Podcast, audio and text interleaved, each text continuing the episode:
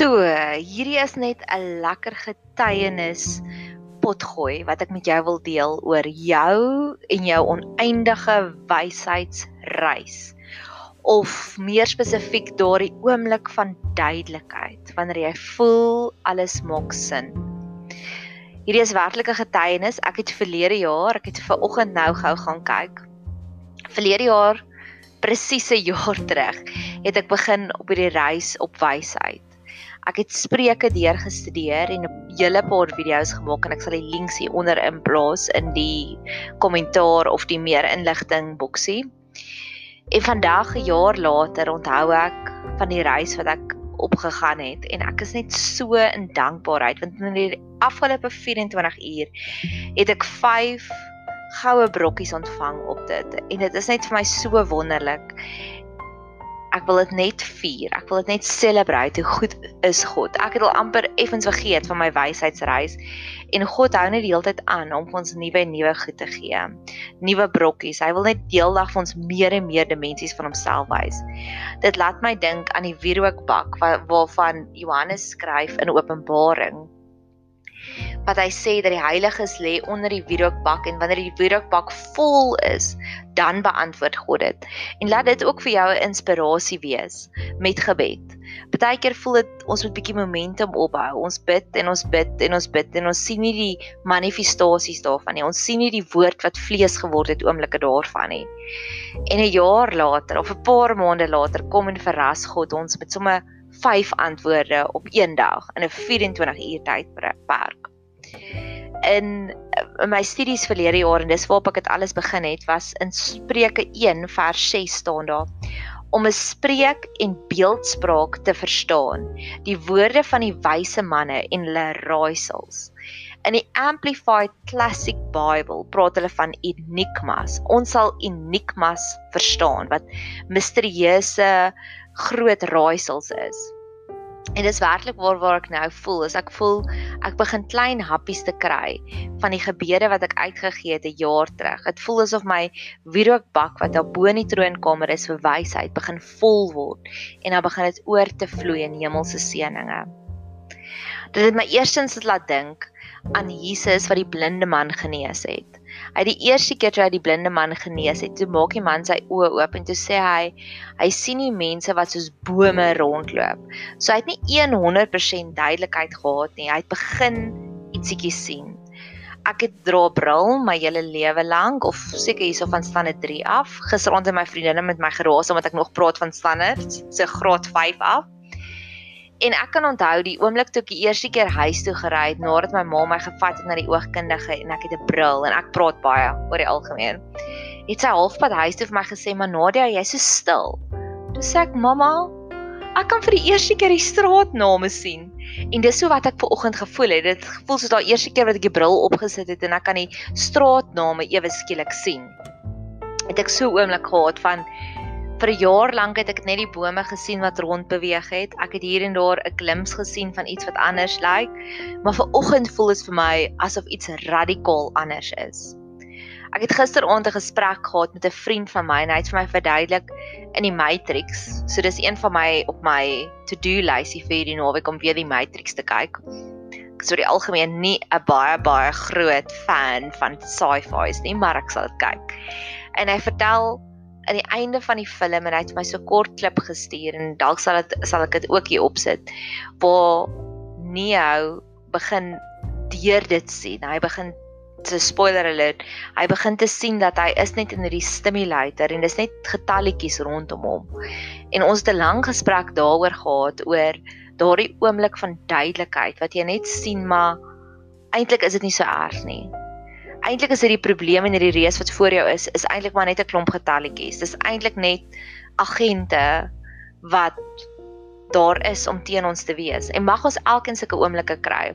Ek het in die week het ek ook 'n artikel gelees wat geskryf is deur Chris Chameleon op Marula Media waar hy verduidelik het dat Goliat, die reus wat Dawid verslaan het, was eintlik in verskriklik baie erge pyn. En baie keer sien ons omdat hy so groot man was, het hy krom geloop, verduidelik Chris Camille is 'n baie interessante artikel. En baie keer sien ons net hierdie reusie voor ons en ons neem aan hy's soveel magtiger en soveel sterker, maar eintlik het hy 100 keer meer gesondheidsissues as wat jy het. En dalk is dit met jou probleme wat voor jou ook staan is jy sien net hierdie reus maar mag God jou oë aanraak soos in the matrix dat soos wat ek my eerste bril gekry het dat jy werklik waar kan sien Ja, dit is 'n reus. Dit is 'n groot mens, maar jy is baie sterker en jy jy kan hom oorwin. So mag jy so 'n oomblik van duidelikheid kry waar jy net sien die probleem en die reus wat voor jou is is eintlik nie so erg nie. Dit daar is eintlik dinge wat in jou gesaai is. Jy het die koninkryk van God binnekant jou. Jy het die autoriteit van Jesus binne in jou. Dat jy is baie sterker as die reus wat voor jou staan. Ek het eendag die storie gehoor ek dink dit was in Seattle, dis iewers in Amerika, waar geen vliegtuig kon opstyg nie want daar was 'n hele reuse wolk, skoon die pan, reus, reuse wolk van mis oor die hele stad. En na die tyd het wetenskaplikes die die bepaling gemaak en die toetsie gemaak om te sê as al daai mis se water bymekaar kan gemaak word, sal dit net 'n halwe koppie vol water wees. Dink net daaraan, 'n halwe koppie vol water het 'n hele stad se lughawe tot stilstand gebring. En mag God ook dit vir jou wys dat die reuse wat voor jou is, as jy dit gaan kondenseer, maak dit net 'n halwe glasie water vol. My hart was baie seer gisteraand. Ek het van 'n gelowige gehoor wat by iemand anders gehoor het, sy het 'n psychic kan sien en die persoon het vir hulle kontak gemaak met iemand wat afgestorwe het. En persoon, my gelowige vriendin, het dit vir 'n oomblik gekonsidereer omdat sy soveel trauma omdat sy nou onlangs langs 'n oop graf gestaan het. En my eerste antwoord aan haar was: "Maar God wil vir jou die antwoorde gee."